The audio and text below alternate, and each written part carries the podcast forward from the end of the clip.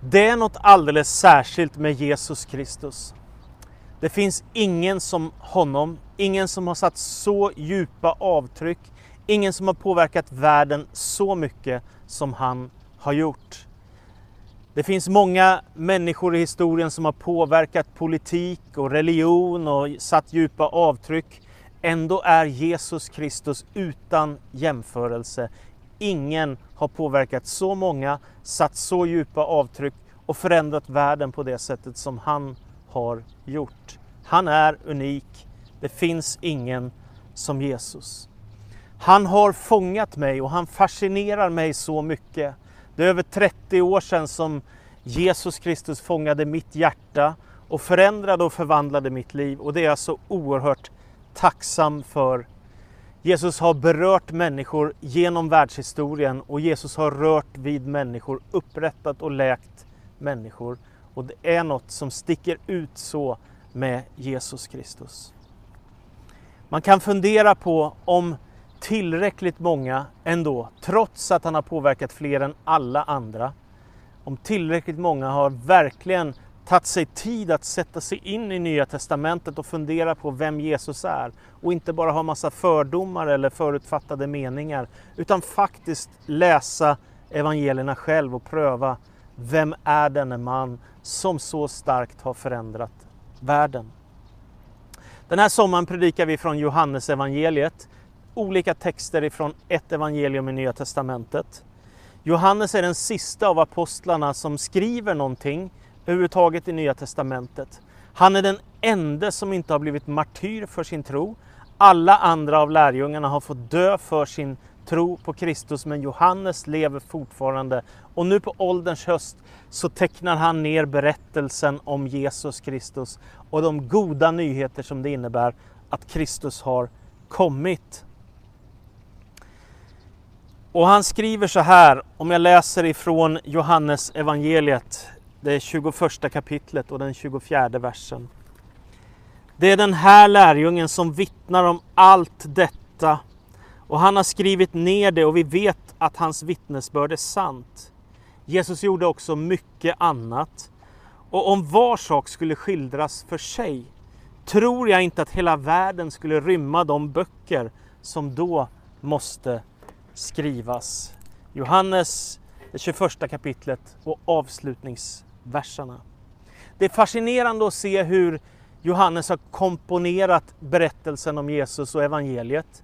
Han beskriver sju tecken där Jesus gör mirakler och underverk. Han beskriver sju olika vittnesbörd om där det sägs vem Jesus verkligen är. Och idag så vill jag gå på sju olika texter där Jesus säger Jag är och sen lägger han till en viktig bild. Livets bröd, vägen, sanningen och livet, uppståndelsen och livet och så vidare. Jag kommer till de texterna. Så det är så tydligt att Johannes har en tydlig strategisk tanke med sin Jesusberättelse. Låt mig då först ge lite bakgrund. I Gamla Testamentet när Mose är ute och vandrar i öknen tillsammans med sina får så händer något mycket dramatiskt. Och det är så att när han är på vandringen så ser han helt plötsligt en buske som brinner där framme. Men det märkliga är att den inte brinner upp. Och därför så blir ju Mose fascinerad och han söker sig närmare busken för att se vad det är som händer nu. Och när han kommer närmare så händer något alldeles speciellt. Gud talar ifrån himlen och säger Mose kom inte närmare marken där du står är helig mark, så dra av dig skorna från dina fötter. Och Mose faller ner inför Guds närvaro och härlighet och blir helt överväldigad av Guds underbara närvaro. Där kommer kallelsen. Du ska gå till farao och du ska vara med och befria mitt folk Israel ifrån fångenskapen. Och då kommer frågan för Mose. Han är nu 80 år gammal. Vem ska jag säga att du är och vad ditt namn är? Hur ska jag kunna befria folket? Och då svarar Gud Mose i Andra Mosebok kapitel 3, vers 14. Säg till dem, jag är den jag är. Säg dem att han som heter Jag är har sänt dig till dem. Gud är. Detta är själva bakgrunden till berättelsen när Israels folk blir befriat ifrån fångenskap i slaveri. Och Gud uppenbarar sitt allra heligaste namn. Det står i grundtexten på hebreiska JHVH. Man tror att det ska uttalas Javé, Gudsnamnet. Och vad betyder det då, jag är? Jo, det betyder ju att Gud existerar i sig själv, av sig själv, utan något som helst behov av någon annan. Den allsmäktige guden uppenbarar sin närvaro och säger jag är den jag är. JHVH på hebreiska, jag är. Inte jag har, jag blev, jag blir, utan jag är. Gud existerar i sig själv. De här orden använder Jesus om sig själv, som Gud använder. Ja, det är ju helt otroligt. Kristus som har blivit människa använder de här orden. På grekiska grundtexten står det ego emi, jag är. Här kopplar Gamla testamentet med Nya testamentet, en, en brygga mellan vem Gud är och vem Kristus är. Och Jesus säger sju olika saker. Jag är livets bröd, jag är världens ljus, jag är grinden eller dörren in till fåren, jag är den gode herden, jag är uppståndelsen och livet. Jag är vägen, sanningen och livet. Jag är vinstocken och ni är grenarna. Det finns alltså ett slags gränslöst djup i de här påståendena som kommer ifrån Jesus Kristus själv. Ett slags heligt mysterium som man bara upptäcker om man läser evangelierna noggrant och forskar i skrifterna för att förstå vem Jesus verkligen är. Nummer ett då. Jesus säger, jag är livets bröd. De orden säger Jesus efter att ett mirakel, ett tecken har skett. Eh, folket är samlat, 5000 män har kommit för att lyssna på Jesus. Och dessutom kvinnor och barn, så det är en gigantisk samling och det finns bara fem bröd och två fiskar att äta. Jesus ber om ett mirakel från Gud och så delar man ut mat till alla som är samlade. Det är ett bröd under ett mirakel som har hänt som har gjort att alla kunnat äta sig mätta. Jesus gör något övernaturligt. Det är ett av hans tecken. Och sen när det har hänt så säger Jesus om sig själv.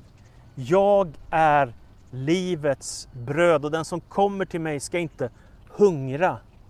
Här finns alltså ett anspråk.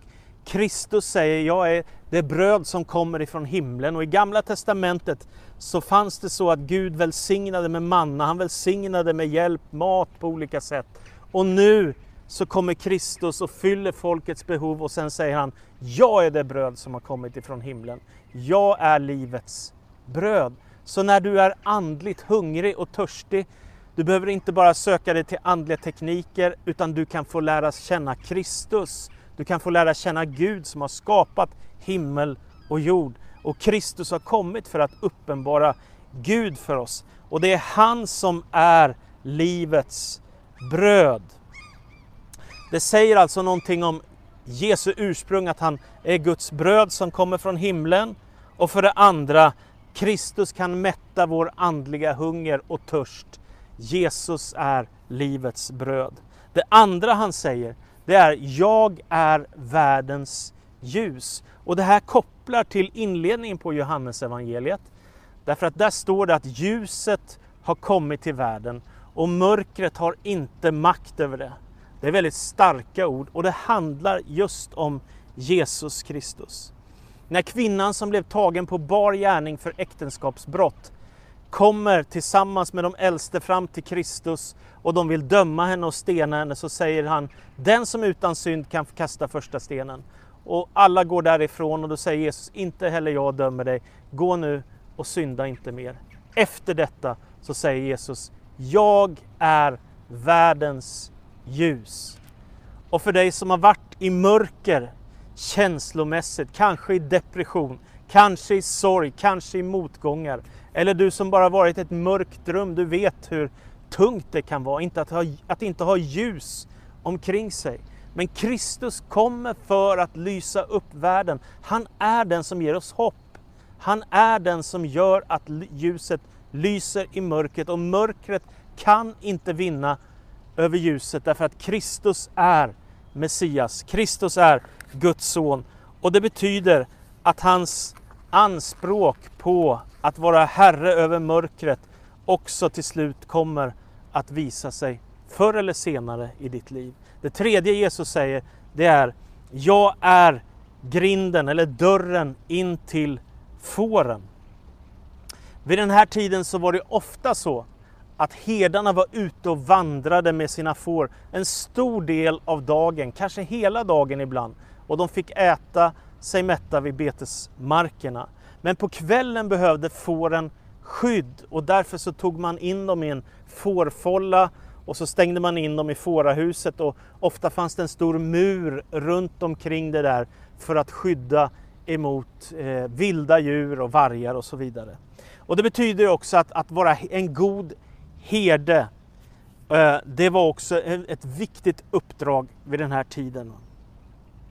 Och Jesus säger därför i vers 9 sen i Johannes 10, den som går in genom denna dörr alltså, som Kristus är, eller grind, han ska bli frälst. Det vill säga, det finns en väg att få ta emot frälsning. Det finns en väg att lära känna Gud. Det finns en väg att vandra på, en dörr att öppna, en grind att gå in igenom för att få den upprättade relationen med Gud.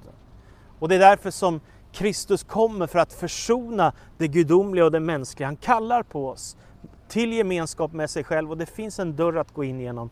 Den ska du gå in igenom. Gud kallar på dig genom Kristus. Han är dörren in till fårahuset där det finns skydd för Guds folk. Det fjärde som Jesus säger det är Jag är den gode herden i Johannes 10, vers 11 till 14. Och där ger han också en bild av vad verkligt herdeskap handlar om. Han säger den gode herden ger sitt liv för fåren. Så jag är, här kommer orden igen, ego emi, den gode herden. Det kunde vara ett farligt uppdrag som jag sa, därför att vilda djur kunde komma när man var ute med sina får och eh, det kunde också hända att man blev attackerad av vargar och därför så hade också herdarna ofta käppar och stavar så att de skulle kunna slå för att skydda sina får. Det var ett viktigt uppdrag. Och Jesus säger den gode herden ger sitt liv för fåren. Och det är precis exakt detta som händer i Kristi liv. Han offrar sig till slut på korset, på Golgata, för vår frälsnings skull. Och det är en vanvettig kärlek som Jesus visar oss när han dör i vårt ställe, när han tar vår synd, när han dör för vår skull och när han visar Guds kärlek och rättfärdighet i sitt eget liv. Tänk att han som är alltigenom fläckfri, fläckfri och ren och gudomlig, Guds egen son Messias, han offrar sig för vår skull. Fastspikad mellan två rövare på Golgata kors. Och det är som författaren Sven Lidman en gång skrev om Golgata. Detta var den stora världsrevolutionen som skänkte mig frihet, jordbävningen på Golgata. Det är vackert poetiskt skrivet av en berömd författare som lever ett ganska destruktivt liv men som får göra ett starkt Jesusmöte och sen får bli förkunnare och författare och påverka mängder av människor genom sitt skrivande och sitt predikande. Det finns förlåtelse i Kristus, det finns nytt liv i Kristus, det finns frälsning i Jesu Kristi namn och han är den gode herden som har omsorg om dig, som välkomnar dig in i sitt rike så fort du säger Kristus, jag vill ha med dig att göra. Den femte saken som Jesus säger, det är jag är uppståndelsen och livet. Jag är, ego emi. Jag är uppståndelsen och livet. Johannes 11 och 25. Bakgrunden till de här orden det är att Maria och Marta som var mycket nära vänner och deras bror Lazarus som ingick i hans bekantskapskrets och som han umgicks med. Helt plötsligt har Lazarus blivit så oerhört sjuk, allvarligt sjuk, att han dör. Och Jesus kommer till dem när Lazarus är död. Och de sörjer. Marta kom, kommer och säger, Herre om du bara hade varit här så hade han överlevt. Ungefär så. Och Maria, hon börjar gråta när hon ser Jesus komma. och så börjar de samtala med varandra också. Jesus faller i gråt. Men så sker det oerhörda att Kristus uppväcker Lazarus ifrån de döda. Men det är inte det stora, utan det stora är att Jesus säger jag är uppståndelsen och livet och den som tror på mig ska leva om han än dör. Detta är frälsningen. Kristus kommer för att upprätta människor. Det är inte så att vi är en slump som är komna hit av ingen anledning som helst, lever ett liv under antal år och sen blir det svart. Det är inte den kristna trons världsbild, utan det Jesus säger det är ju att det finns liv och övernog här i världen och sen finns det också ända in i evigheten. Jag vet inte hur många begravningar jag har haft där jag fått läsa de här orden, den här profetiska hälsningen från Jesus. Han säger jag är uppståndelsen och livet och den som tror på mig ska leva om han än dör. För mig är detta ett oändligt hopp. Kunna tänka sig, jag kan möta min pappa en gång i himmelriket igen. Jag kan möta vänner som jag har älskat, som har betytt så mycket, som nu är hemma i den eviga världen. En gång ska vi få ses igen, därför att Kristus har segrat på Golgata. Han är uppståndelsen, han är livet och han öppnar dörren till evighetens rike för var och en som vill ha med honom att göra.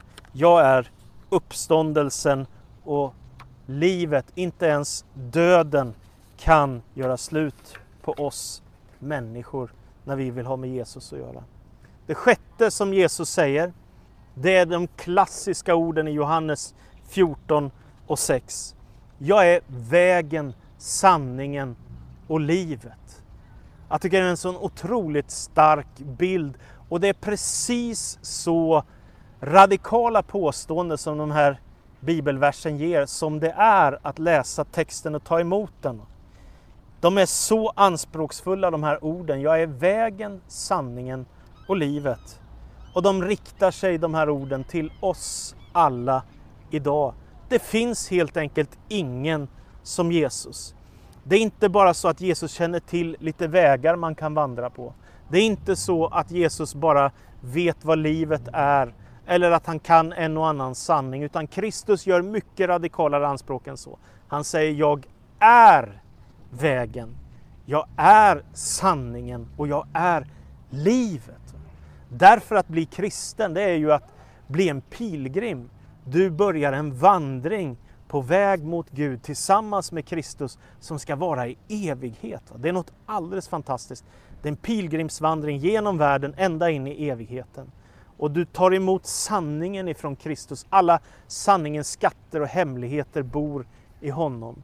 Och sen så när du kommer till honom så är det inte så att du blir en inkrökt, religiös och supertråkig människa, utan Kristus erbjuder livet till dig välsignelse, glädje, hela relationer, förlåtelse, upprättelse, nytt liv, hopp om evigheten, att Guds närvaro finns hos dig. Det är liv han kommer för att ge oss. Och Jesus säger också, ingen kommer till Fadern utom genom mig. Det är ju oerhört radikala ord. Ingen kommer till Fadern genom mig. Med de orden så underkänner ju Jesus alla andra vägar. Han säger det räcker inte med andliga tekniker, det räcker inte med religion, det räcker inte med gott uppförande, utan det du behöver är frälsning, eller det du verkligen behöver är Jesus Kristus själv. Det han har gjort för dig och mig, att dött i vårt ställe, uppstått för vår skull, segrat, det är han helt ensam om.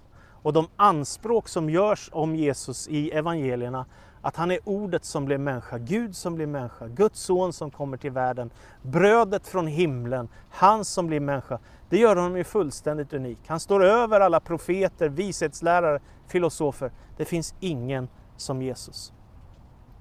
Det finns en berättelse, en slags illustration eller liknelse om en man som var på vandring och han skulle ta sig igenom ett väldigt svårt bergspassage för att komma långt borta på andra sidan om ett stort berg för att hitta hem till en by som han skulle till. Och för att göra detta så behöver han vägledning och guidning och därför så går han till ett hus där han vet vid berget att här finns det guider som kan visa på en väg som man får hjälp att vandra. Han kommer till den första guiden. Han säger, vet du vägen till byn dit jag ska på andra sidan bergsmassivet? Och då svarar den första guiden, nej det vet jag inte men jag skulle kunna försöka att leda dig dit. Och då svarar den här vandraren, nej tack, jag vill inte ha dig.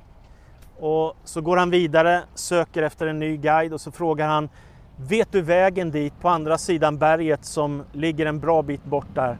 Har du någon aning om hur man kommer dit? Nej, det vet jag inte, men jag kan absolut försöka leda dig dit. Och då säger han, nej tack, det vill jag inte. Och lite uppgiven frågar han en tredje guide och så säger han, du vet du vägen till den där byn som ligger långt borta på andra sidan bergsmassivet? Och då svarar den här tredje guiden, ja det vet jag absolut, det är min hemby, där har jag fötts och där har jag vuxit upp. Jag hittar dit, vi kan gå tillsammans. Och han säger, självklart vi går. Och så vandrar de. Det vill säga, här finns en som vet vägen. En slags illustration för att hitta hem till Gud. Man behöver någon som vet var man ska vandra och att vägen leder rätt. Det är det anspråket Kristus gör. Hos ingen annan finns frälsningen och ingenstans under himlen finns något annat namn som kan frälsa oss, säger Petrus i sin urkristna predikan. Det sjunde och sista, den sista bilden är Jag är vinstocken och ni är grenarna. Johannes 15 och 5. Här kommer orden igen, jag är. Jag är vinstocken, ni är grenarna. Och den bilden är ju ganska självklar därför att den säger på något sätt att det finns liv hos vinstocken som gör att grenarna kan få ta emot sav som gör att de kan blomstra och att de kan ge frukt. Det vill säga det Kristus kommer för att ge dig en slags grundförutsättning för det som han vill göra i dig. Att du ska kunna bli till välsignelse, att du ska kunna bli till glädje och att du får en stark relation med Gud, att du får ett evighetshopp och att du kan bygga en gemenskap med Gud i din vardag. Genom bönen, genom ordet, genom nattvardsfirande, gudstjänstfirande, bönepromenader eller att läsa andlig litteratur eller vad du vill för att fördjupa din gudsrelation. Bli kvar i mig, säger Jesus i Johannes 15, så ska jag bli kvar i er. Sök dig nära Gud, säger aposteln Jakob, så kommer han söka sig nära dig. Jag är vinstocken och ni är grenarna. Om du vill bli till välsignelse för andra människor, om du vill ha en stark gudsrelation, då behöver du bli kvar i Kristus. Till sist, jag har varit pastor nu i 27 års tid. Jag började 1994.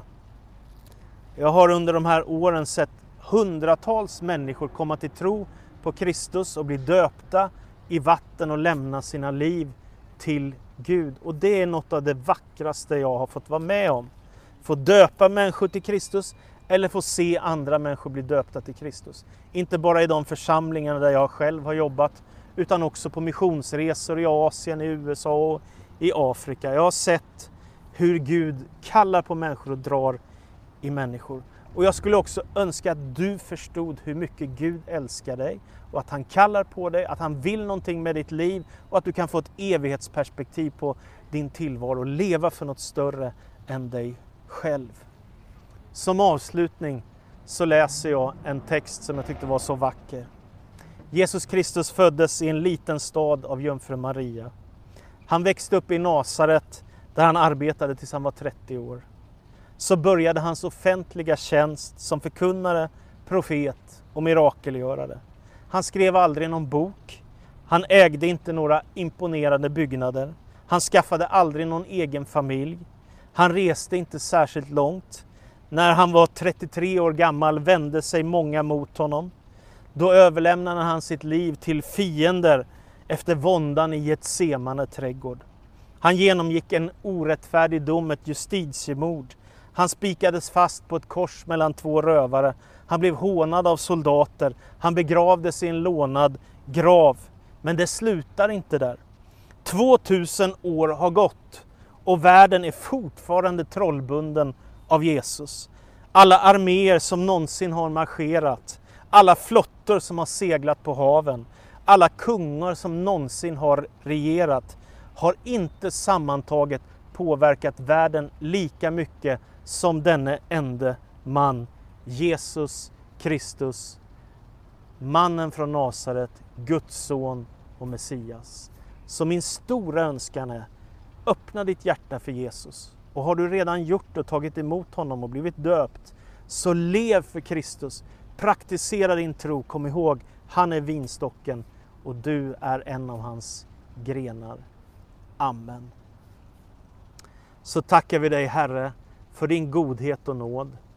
Och vi ber denna söndag att evangeliet om vem du är och vad du kan göra och vad du har gjort skulle få förvandla människors liv och påverka vår vardag och vår livsinriktning, Herre.